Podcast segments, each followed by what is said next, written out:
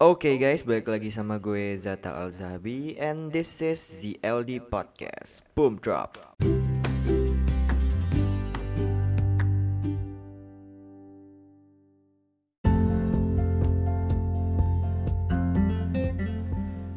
Oke, what's up everybody?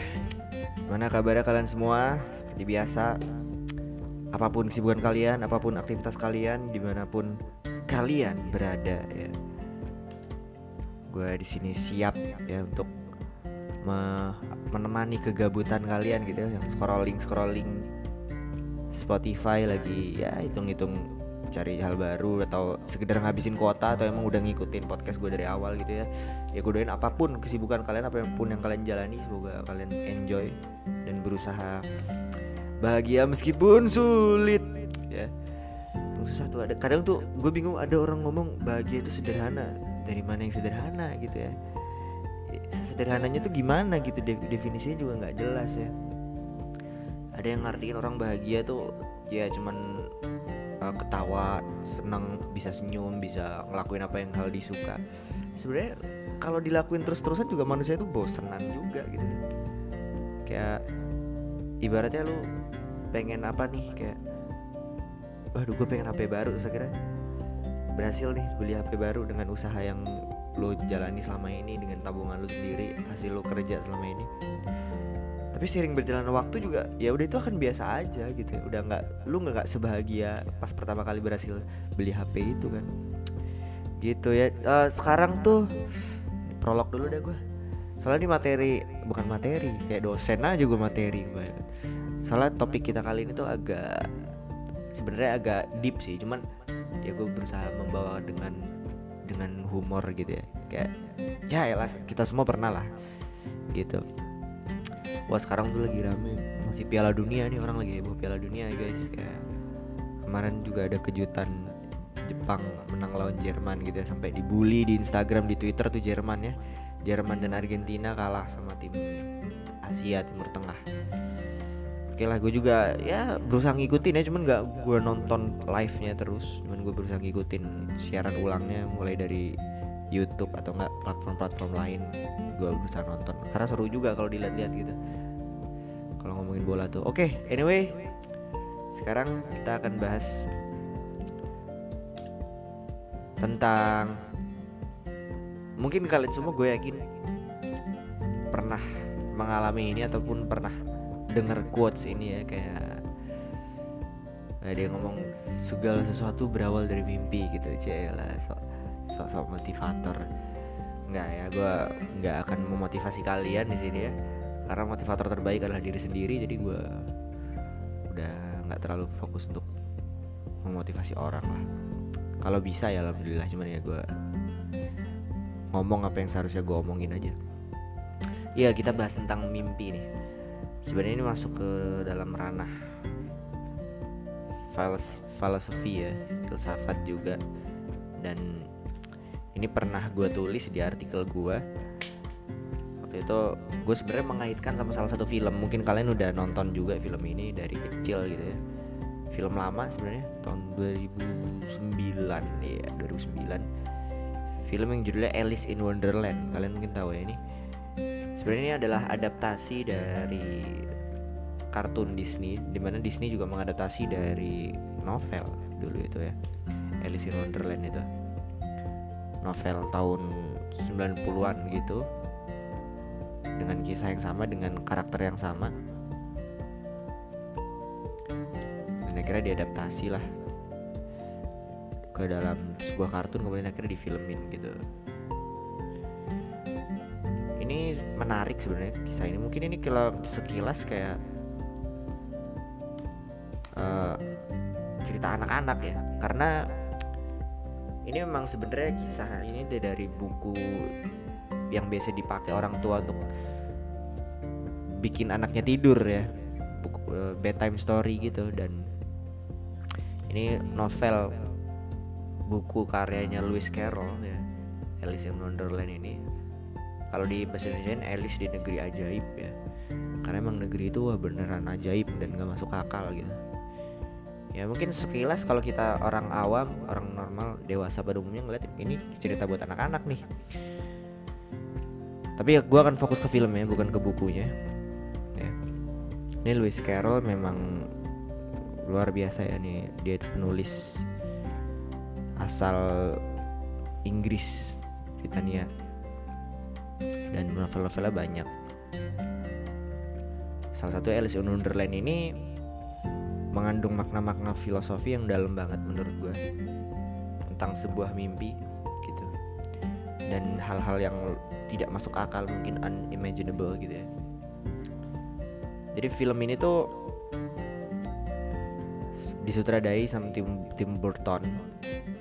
Waktu itu pemeran utamanya ada Mia Masikowska dan ada Johnny Depp waktu itu jadi The Redhead yang apa badut pakai topi merah dengan rambut warna apa warna merah juga ya yang mau bantuin Alice untuk kabur dari The Red Queen gitu. Ini film ini versi live action lah intinya ya. Mungkin kalian yang ngikutin Disney tahu ya. Disney live action itu ya adaptasi dari kartun akhirnya dibuatlah film benerannya gitu. Tapi sekali lagi ini gue nggak akan ngebahas tentang review filmnya ya gue karena pesan-pesan filosofisnya ini lebih menarik pesan-pesan filsafatnya lebih menarik untuk kita bahas gitu. Ya dari interpretasi gue pribadi sih tentunya mungkin kalian ada yang mau nambahin ya silakan aja bisa komen di Instagram gue gitu ya untuk apa sih kesan-kesannya setelah atau nggak apa kesan kisah-kisah kalian tentang yang orang sebut mimpi gitu. Karena di film ini tuh beneran nonjolin konsep mimpi gitu dunia khayal gitu. Karena kalau di awal-awal film itu kita akan ngelihat uh, si Alice ini ya, masih kecil waktu itu. Yang dia mimpi buruk katanya dia ngelihat hewan-hewan yang bisa bicara kelinci bisa bicara ada bunga bisa bicara uh, itu bisa dibilang Alice tuh mimpi itu dari kecil gitu. Dan akhirnya singkat cerita kayak dia minta temenin ayahnya untuk tidur gitu gitulah. Kalau gue bahas detail jalan ceritanya akan terlalu panjang ya.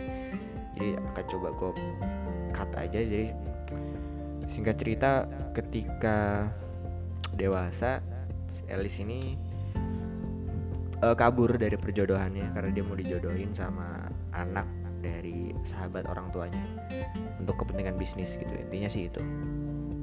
Kemudian ini itu tadi ya. Uh, Alice sejak kecil sering mimpi aneh. Mungkin bagi anak kecil itu kadang menyenangkan ngelihat kelinci yang lucu bisa bicara bunga bisa bicara. Terus kemudian ada hewan-hewan uh, seperti beruang raksasa warna putih gitu. Hewan-hewan aneh gitu ya terus ada ulat yang terbang terus dia ngerokok gitu. Itu kan aneh banget ya. Tapi itu ada di film itu. Nah Alice sering mimpi itu saat dari kecil. Ya akhirnya dia dewasa dan mulailah dia paham bahwasanya oh itu cuma mimpi gitu ya. Itu cuma ilusi. Nah sekarang kita masuk ke teori mimpi dan ilusi gitu ya.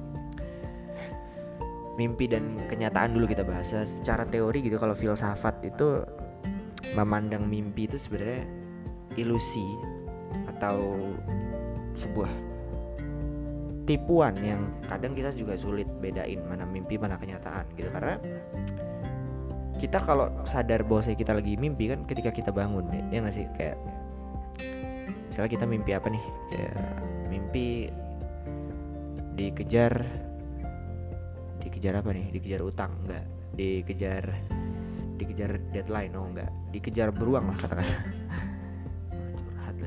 dikejar beruang misalnya. Kita paniknya beneran. Kita ngerasa itu kayak wah gila udah beruang lari gitu. Terus larinya slow mo kan kalau di mimpi biasanya. Nah terus kita sadar kalau itu mimpi kan kita pas bangun ya kan? Terus bangun dengan kaget kayak wah ternyata cuma mimpi nih gitu. Sudah tapi kita udah keringet dingin duluan tuh ya kan? Karena apa? Karena kita nggak sadar itu mimpi. Jadi manusia itu nggak bisa bedain sebenarnya mana mimpi mana kenyataan. Ini gue mengutip dari rumah filsafat waktu itu karyanya Mas Reza Watimena. Salah satu praktisi filsafat lah di situ. Uh, banyak orang yang sulit membedakan antara mimpi dan kenyataan. Terkadang kita menganggap mimpi sebagai pertanda akan sesuatu. Nah itu. Kita mimpi nih. Aduh kok gue mimpi gini, gini ya? Misalnya Misalnya kita Misal kalian mimpi uh, Mantan jadian Terus menikah. Nikah duluan Sedangkan masih jomblo nih. Aduh Kok gue mimpi gini? Ya Jangan-jangan beneran. Coba lihat IG-nya Misalnya gitu Terus ya itu ya kadang kita ngerasa mimpi itu seperti firasat yang akan terjadi di kehidupan nyata kita gitu. Ada psikolog namanya Sigmund Freud. Dia salah satu pencetus sistem teori psikoanalisis ya. Dia ini orang Jerman dia dia pernah bikin jurnal tentang tafsir mimpi ya. Dia melakukan penelitian terhadap beberapa orang beberapa partisipan tentang mimpinya mereka. Nama jurnal itu Trauma Detun orang Jerman tuh bahasa Jerman tuh gue nggak tahu artinya. Tra Traum Detun jadi ya intinya di situ Sigmund Freud kayak meminta partisipan untuk merenungkan kembali apa mimpi yang pernah mereka alami gitu ya.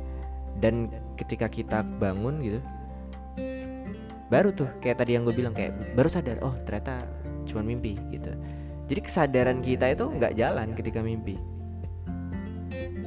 Ketika kesadaran kita nyala atau nggak kesadaran kita muncul dan kita bangun awake gitu ya. Dalam arti kayak bangun ya udah baru kita sadar itu mimpi. Jadi mimpi itu diputus oleh kesadaran atau kenyataan katanya Sigmund Freud gitu intinya dan ketika kita mimpi karena kesadaran akan kenyataan kita hilang ya kita ngira mimpi itu bukan mimpi tapi itu nyata ya nggak sih? Kayak kita nggak ngerasa tuh. Misal mimpi dikejar setan dikejar kuntilanak kan kita kalau kita tahu itu mimpi ya kita nggak usah panik dong kayak oh mimpi doang? Ya udahlah. Itu mah kuntilanak nggak beneran kayak ya dia tinggal bangun kalau misalnya kan logikanya gitu. Kenapa kita panik kenapa kita teriak-teriak dalam mimpi? Ya karena kita ngerasa itu beneran gitu.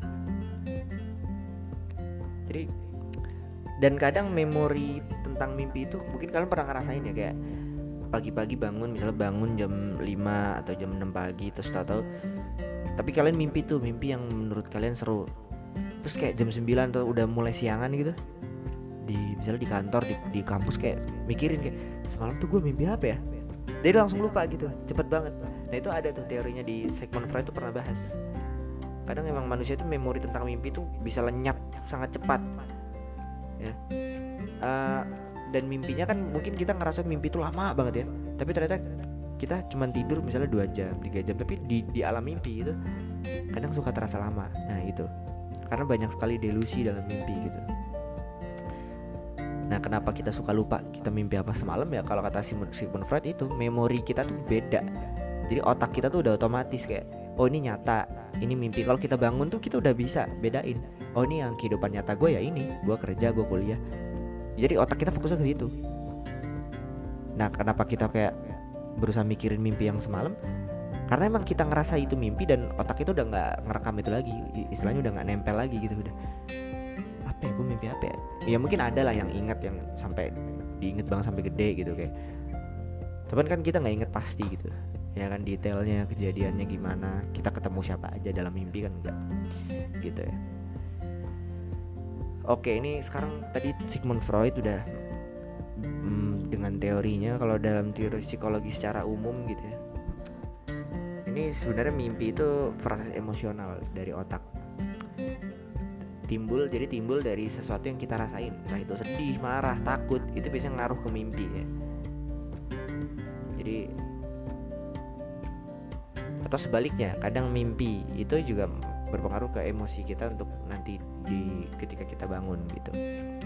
Ketika kita uh, menghadapi kehidupan nyata kan. Misalnya ketika kita mimpi menakutkan nyeremin gitu kayak mimpi tadi dikejar beruang lah mimpi jatuh dari jurang itu kan pas bangun itu kan kita emosi kita jadi sesuai sama yang pengen kita mimpiin kan.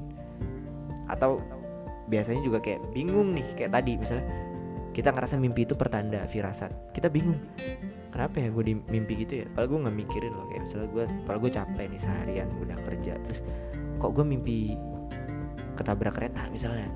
Bingung kan? Ya tapi itu cuma mimpi kita tahu. Orang udah bangun kok kayak kenapa gue mimpi gitu ya? Aneh banget sih. Nah kita kan nggak bisa mendiagnosa sendiri pasti ya. Itu dari psikologi ya. Jadi mimpi itu adalah proses emosional manusia dan semua manusia ngalamin ya nggak ada manusia nggak pernah mimpi itu nggak ada. Terus kalau itu dari psikologi sekarang kalau misalnya dari tafsir mungkin berbagai ilmu lain kayak misalnya agama Islam itu sendiri ya itu juga ada tafsir mimpi gitu. Udah ada sejak zaman Nabi gitu udah ada. Banyak apa istilahnya kayak peramal-peramal atau paranormal paranormal itu yang membuat tafsir mimpi misalnya ada salah satu orang yang bermimpi terus diprediksi oh biasanya kamu akan mengalami ini. Itu artinya uh, uh, Allah sedang menasihati kamu gitu-gitu. Itu tafsir mimpi dan itu ada. Dan itu sah-sah aja ya. Itu nggak ada kaitannya dengan menyalahi takdir Tuhan takdir Allah enggak itu memang ada ilmunya untuk menafsirkan mimpi itu ya. Para nabi pun pernah bermimpi dan itu kayak semacam isyarat dari Tuhan memang. Kayak misalnya Nabi Yusuf mimpi uh, bulan dan matahari tunduk di hadapanku gitu itu kan ada ayatnya dari surat Yusuf dia cerita ke ayahnya, wahai ayah sesungguhnya semalam aku bermimpi Tuhan mm, matahari dan bulan tunduk kepadaku itu kayak isyarat dari Tuhan bahwasanya Yusuf suatu saat akan jadi orang besar, orang berpengaruh. Jadi kayak memimpin matahari sama bulan tunduk sama dia. Gitu. Atau enggak kalau di Yunani kuno ada dulu tuh istrinya Raja Priam, Raja Troya. Raja Troya itu sekarang namanya Turki, kerajaan Troya. Dia mimpi dia lagi hamil istrinya ini lagi hamil istri si ratu ini lagi hamil terus dia mimpi melahirkan anaknya terus tapi anaknya bukan orang bukan bayi tapi obor wah itu aneh banget tuh sampai dia pergi ke peramal ternyata menurut tafsir peramal itu oh itu artinya itu pertanda buruk. Nanti kamu akan punya anak yang yang bisa membawa kehancuran untuk negeri Troya. Nah itu ada. Tafsir mimpi itu ada. Gitu ya. Dari sejak zaman dulu bahkan. Jadi kalau misalnya ditanya artinya ya beda-beda pasti penafsirannya. Dari berbagai ilmu berbagai perspektif gitu. Ini ada jenis-jenis ilmu ya. Yang pertama ini gue dapat dari liputan 6 sebenarnya. Banyak ya jenis-jenisnya juga mulai dari mimpi prekognitif. Dari zaman sebelum masehi ini era Yunani kuno juga mimpi prekognitif itu bahkan ada yang bikin puisinya waktu itu di sempat dimuat dalam tulisannya Aristoteles gitu ya. Aristoteles membuat kayak semacam ya kalau bahasa kita sekarang naskah atau makalah gitu. Judulnya On Processing by Dreams. Semacam oke lanjut. Oke.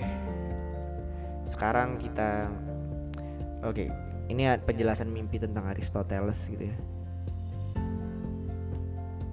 Aristoteles ini ciri khasnya memang dia selalu mempertanyakan realitas ya hakikat realitas termasuk dengan kaitannya mimpi gitu dengan realitas yang ada. Jadi kalau menurut Aristoteles mimpi itu bisa bisa kebetulan ya dan mimpi itu bisa menjadi hal yang sangat sulit dipahami. Karena bisa aja kita ngalamin mimpi karena kita pernah ngalamin itu di dunia nyata. Jadi kalau kata Aristoteles kayak misalnya lu pernah kenal sama seseorang nih misalnya dulu dia sahabatan lu banget terus dia misalnya berpisah lu sekarang berjauhan. Tau-tau lu karena udah lama nggak ketemu dia lu kangen sampai itu ke bawah mimpi. Nah itu kan ada tuh yang kayak gitu. Nah itu kalau kata Aristoteles bisa aja lu mimpi sesuatu yang pernah lu alami di dunia nyata cuman lu udah lupa atau udah nggak terlalu inget gitu. Atau bahkan mimpi juga bisa jadi peringatan dari semesta kata Aristoteles. Ya jadi mimpi itu bisa penolong atau pengingat lah ya untuk menentuin langkah-langkah hidup. Misalnya kita kayak mimpi uh, kehilangan motor cuma mimpi amit-amit ya amit-amit. Nauzubillah jangan sampai kalian juga jangan sampai kehilangan dapat musibah kayak gitu. Misalnya kehilangan motor tapi ternyata cuma mimpi. Itu bisa jadi kalau kata Aristoteles oh itu peringatan tuh. Dari, dari semesta buat lu. Lu harus jaga sesuatu yang udah Tuhan kasih gitu. Lu harus jaga semua harta benda lu jangan lu sia-siain jangan asal-asalan make. Karena itu berharga karena lu mungkin gak sadar gitu. Jadi itu ya mimpi itu bisa jadi sesuatu yang pernah kita alami di dunia nyata terus karena kita kangen atau kita merasa pengen hal itu balik lagi atau kayak pengen berharap itu terjadi lagi sama kita jadi kita mimpi karena kepikiran terus gitu ya jadi ke bawah mimpi. Atau sebaliknya mimpi itu bisa jadi pengingat akan sesuatu yang akan terjadi di hidup lo gitu kayak misalnya ada sesuatu yang buruk tadi kehilangan apa itu pengingat tuh jangan sampai terjadi di dunia nyata. Itu Aristoteles terus ini ada ada seorang ahli spiritual namanya Aya Seis ya orang Amerika gitu ya. Ini dia berfilosofi tentang hidup ya. Tentang hidup ini sendiri secara nyata ya bukan tentang mimpinya. Kata dia kata Anaseis tuh hidup ini nggak kayak video game yang kita bisa pause bisa ulang bisa restart gitu ya kalau kita main game kan melainkan hidup ini cuma sekali dan waktu itu nggak bisa diputar lagi ya kan? Nggak bisa kita muter waktu dan kembali ke masa lalu. Nah karena hidup ini cuma sekali dan kita nggak bisa ngebalikin waktu kalau menurutnya Seis ya kita harus bijak hati-hati dalam sebuah hidup. Jadi kayak kemungkinan dari mimpi kalau menurut Anasis itu pertanda bahwa kita ada dalam situasi yang bisa tepat atau tidak tepat. Nah itu sama kayak isyarat dari semesta juga karena hidup ini cuma sekali gitu dan itu waktu itu linear jalan terus nggak bisa muter lagi. Nah mimpi ini nolong kita. Kalau misalnya nggak ada mimpi kita nggak tahu nih kita besok ke mana kita besok apa yang terjadi sama kita. Mimpi itu bisa jadi peringatan. Atau enggak kita saat ini misalnya di berada dalam situasi yang mungkin kurang tepat dan kita harus get out from this situation gitu kan lo harus pergi dari sini karena ini udah toxic buat lo tapi lo nggak sadar atau enggak lu nggak mampu misalnya karena lu terpaksa dan sebagainya. Dan bisa jadi mimpi itu bisa jadi pengingat buat lu gitu kalau kata Anastasis karena kadang kan kita bisa nginget-nginget satu tempat atau kejadian yang pernah kita alamin dan terus kayak itu ke bawah mimpi. Pernah gak sih kalian kayak pergi ke satu tempat terus tau kayak kok ke bawah mimpi nih? Misalnya gue pernah waktu itu udah lama ya udah beberapa bulan lalu gue pernah kan waktu itu biasa kalau eh, weekend tuh gue bisa jogging olahraga biasanya ke daerah-daerah GBK gitu. Jadi gue udah beberapa kali ke daerah kawasan GBK untuk olahraga untuk foto-foto dan sebagainya hunting foto gitu. Terus ke bawah mimpi pernah tuh cuman bedanya di mimpi itu itu terasa lama banget dan gue sama teman-teman gue rame gitu. Sama teman-teman gue teman-teman lama lah gitu dan itu rame banget dan itu seru banget. Ada acara musiknya ada pertunjukan tarinya macam-macam. Nah itu. Jadi ada kesamaan dan ada perbedaan. Macam-macam lah ya. mungkin kalian pernah ngapain? Pernah uh, pergi ke satu negara misalnya pergi jalan-jalan ke Perancis misalnya ke Menara Eiffel ke Arc de Triomphe gitu jalan-jalan terus kayak terus beberapa tahun kalian lalui karena udah lama nggak ke situ lagi karena pengen banget ke situ terus tau ke bawah mimpi. Nah itu kan sering. Oke, ini sekarang tadi balik ke Alice in Wonderland tadi. Banyak banget ya pesan-pesan filosofisnya dan banyak ke keanehan dalam film ini gitu ya. Mungkin kayak ada se seekor kelinci putih gitu white rabbit yang mengajak Alice untuk masuk ke negeri ajaib. Mungkin kalian yang udah nonton filmnya tahu gitu ya. Si Alice ini akhirnya ngikutin kelinci putih itu sampai ke satu pohon besar. Ternyata pohon besar itu ada lubang dan lubang itu yang membuat dia masuk ke Wonderland negeri ajaib gitu. Dan di sini sosok kelinci putih di White Rabbit ini kalau di versi kartunnya dia emang temennya Alice banget yang beneran ngasih tahu Alice bahwa Alice tuh harus menyelamatkan Wonderland dari ratu The Red Queen ratu merah gitu. Sosok kelinci putih ini ya kira yang singkat cerita yang membuat Alice bisa termotivasi dan bisa mau untuk menyelamatkan Wonderland gitu.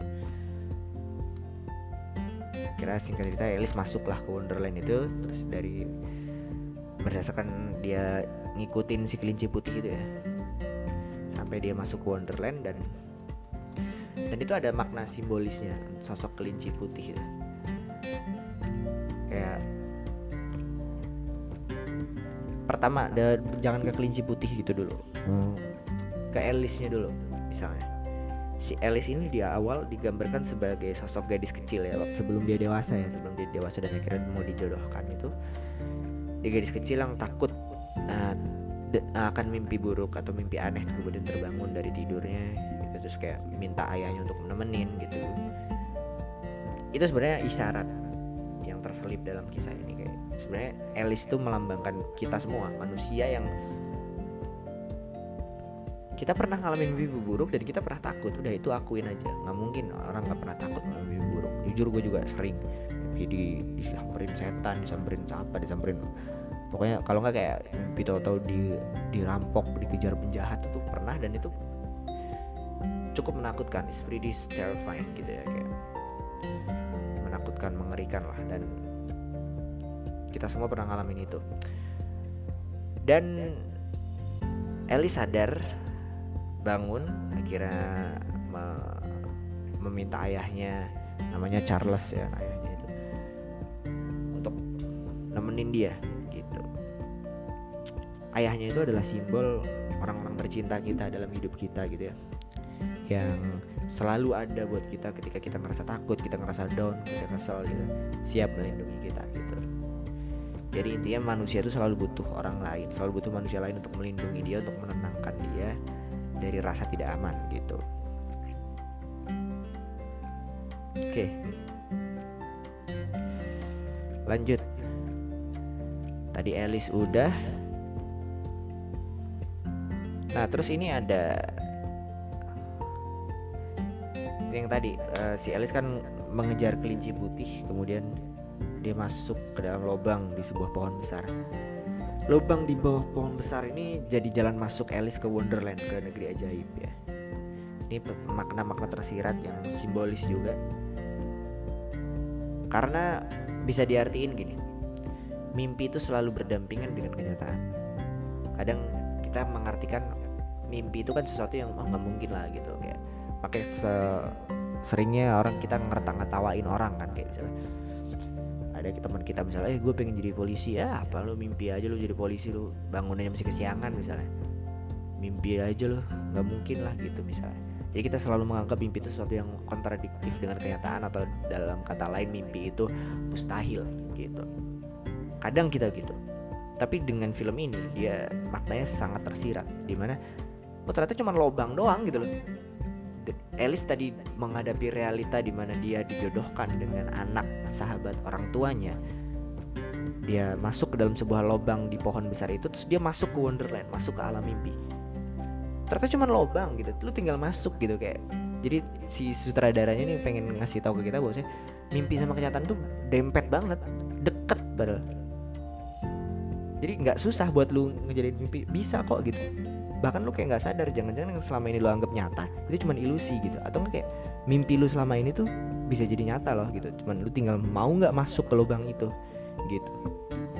Saling berkaitan. Dan tadi eh, balik lagi ke Anaseis tadi ya ahli spiritual Amerika tadi bilang bosnya mimpi bisa jadi pertanda dari semesta kepada manusia. Karena kita akan ngalamin itu di kehidupan nyata kita Alice itu jadi representasi lah simbol manusia yang sering mimpi terus kemudian masuk ke dalam satu lubang ternyata itu mimpinya dia selama ini dan oh ternyata gampang banget dari kehidupan nyata ke masuk ke alam mimpi itu cuman bahkan di filmnya dia nggak sengaja kan gara-gara ngikutin si kelinci putih itu terus kayak terprosok masuk ke dalam lubang itu ternyata masuklah dia ke Wonderland ke alam mimpi. Gitu. Jadi selama ini yang masalahnya di kita yang menganggap mimpi dan kenyataan itu sesuatu yang berlawanan gitu kalau di Wonderland sendiri itu ya simbol dari sebuah mimpi yang sangat luar biasa mengagumkan dan mungkin sulit untuk dicerna akal ya karena di film ini banyak hal-hal aneh yang diperlihatkan mulai dari piano terbang ada itu pas dia Alice masuk ada toto piano terbang terus main sendiri pianonya gitu sekira ada growth cake kue yang bisa bikin dia besar. Terus kalau nggak ada min air seperti air putih gitu cuman bisa bikin dia si Alice ini jadi kecil gitu. Itulah mimpi ya. Sesuatu yang nggak masuk akal. Ya, jangan protes kenapa itu nggak masuk akal ya karena emang nggak semua nggak semua hal bisa kita jangkau dengan akal gitu itu tentang perwujudan negeri ajaib ya. Dan si Alice ini di filmnya ini ya dia sudah sering masuk ke dalam Wonderland sejak kecil. Dia sering mimpi ini untuk umur 6 tahun 7 tahun tuh dia sering ketika dewasa dia hilang itu udah jarang mimpi. Ternyata ketika dia dewasa ternyata mimpi itu beneran dia bisa masuk gitu. Dia bisa masuk ke alam mimpi. Dia nggak sedang tidur tapi dia masuk beneran ke alam mimpi. Ketika dia harus menghadapi kenyataan realita yang pahit dia harus dijodohkan dengan orang yang tidak dia cintai gitu. Bahkan di, di tengah-tengah film Alice ini sempat nggak percaya ternyata. Makhluk-makhluk yang selama ini dimimpin tuh ada beneran depan matanya. Kayak Tweedledum Tweedledee anak kecil kayak tuyul gitu ya putih pakai uh, celana sampai perut terus baju garis-garis gitu kan. Terus ada bunga bisa ngomong. Ya kan? Tikus bisa ngomong. Ada depan mata semua dan dia sempat nggak percaya. Dia sempat kayak ngomong kayak oh no uh, this is my dream. I just sleep in my bed. Oke okay, I will wake up soon. Terus dia kayak mimpi uh, menjamin mata. Terus dia oh nggak bisa? Gitu. Jadi dia tuh masih ngira itu mimpi oh gue lagi tidur nih ini mimpi doang. Dia berusaha bangun oh, nggak bisa? Ternyata nyata. Gitu gitu guys. Jadi mimpi tuh kita nggak bisa bedain antara mimpi dan kenyataan sebenarnya. Udah ya gue akan membatasi sampai situ intinya. Jangan terlalu dipikirin lebih dalam karena nggak semua orang itu ya tahan dengan pembahasan kayak gini. Dan kalian jangan maksain juga karena akal kita tuh terbatas. Ntar ujung-ujungnya gila sendiri ntar nggak bisa tidur ya. Itu kalau topik-topik agak filsafat gini tuh agak susah. Jadi nggak nyangka lah kayak panorama atau pemandangan Wonderland ini. Makhluk-makhluknya gitu. White Rabbit Tweedledum Tweedledee manusia kembar dengan kepala gundul kaos loreng-loreng gitu ya. Terus ada Dodo yang kita burung Dodo cuman bisa bicara. Terus ada Tall Flowers ada bunga warna-warni tinggi tapi ada wajah manusianya wajahnya seperti manusia terus dia bisa ngomong. Gitu. Karakter-karakter lain banyak ya terus yang menarik terakhir deh ya. Sebelum gue akhiri episode kali ini. Sosok antagonis utama di dalam film Alice in Wonderland itu namanya Red Queen sang ratu merah. Ini menarik dia diperankan sama Helena Bonham karena ini ceritanya tuh dia seperti nguasain Wonderland lah ya jadi ini mimpinya Alice cuman dikuasain sama Red Queen ini. Jadi secara implisit gitu secara tidak langsung ini karakter ini menjelaskan tentang sebenarnya betapa tidak jelasnya mimpi itu gitu. Hmm, sosok jahat ini ya adalah simbol kerakusan manusia gitu ya, yang ingin menguasai semuanya. Rule the whole world gitu si ratu merah ini. Pengen kayak yaudah lu harus semuanya harus tunduk sama gue gitu. Ini alam ini punya gue semua.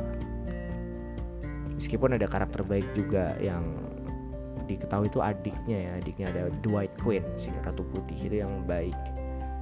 Yang pengen kayak ya harus ada keseimbangan gitu harus ada hak-hak di antara makhluk hidup lain ada tumbuhan ada hewan yang nggak bisa lu kuasain semua nggak bisa nggak bisa lu perlakukan sewenang-wenang gitu. Ya intinya sih kalau dari seluruh pembahasan kita tuh kalau misalnya ngomongin mimpi gitu ya nggak nggak bisa tuh kita bedain mimpi mana kenyataan mana mimpi gitu kita hanya sadar ketika kita bangun ya. Ketika kita tidur ketika kita di alam mimpi ya kita ngerasa itu kenyataan bukan mimpi terus kalau dari Red Queen karakter Red Queen itu simbol keserakahan manusia itu juga kayak sindiran buat kita. Kita yang selalu pengen memiliki semuanya kadang sesuatu itu belum tentu kita butuh tapi kita pengen gitu kayak aduh gue pengen ini pengen itu pengen dapat ini pengen dapat itu. Padahal kita belum tentu butuh. Kita da, kita dengan apa yang kita punya sekarang aja sebenarnya itu udah cukup gitu kita bisa makan bisa tidur bisa punya tempat tinggal udah cukup. Cuman kita masih pengen ini pengen itu kan. Nah itu. Itu sosok Red Queen itu. Kalian mungkin yang penasaran sekalian tonton aja filmnya ya. Lumayan seru lumayan menarik gitu. Gimana si Red Queen ini beneran ngeselin gitu ya? Beneran pakai apa hewan tuh sebagai benda mati gitu. Kayak mulai dari tongkat pakai burung flamingo terus bolanya pakai pakai landak. Terus kursinya buat tamu itu dipakai buat babi gitu babi dijadiin kursi gitu. Macam-macam lah. Ya. pokoknya ngeselin lah nih si Red Queen ini. Teman nggak nggak jahat-jahat banget sih kalau menurut gue lebih ke ngeselin.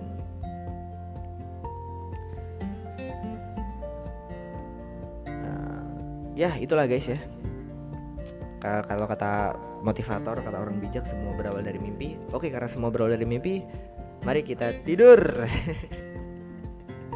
Nggak ya nggak gitu. Ya karena kita mimpi harus tidur dulu kan. Itu nggak diartiin kayak gitu sih.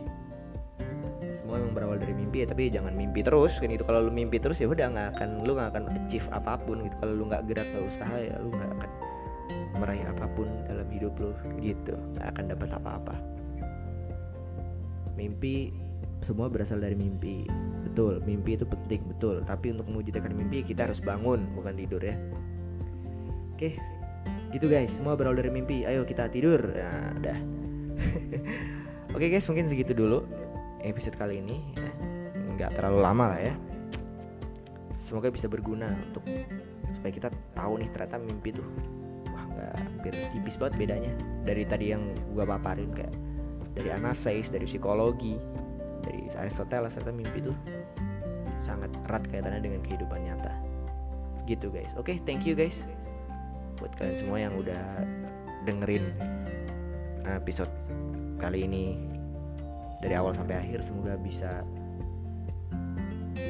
menambah insight gitu ya buat gue pribadi tentunya.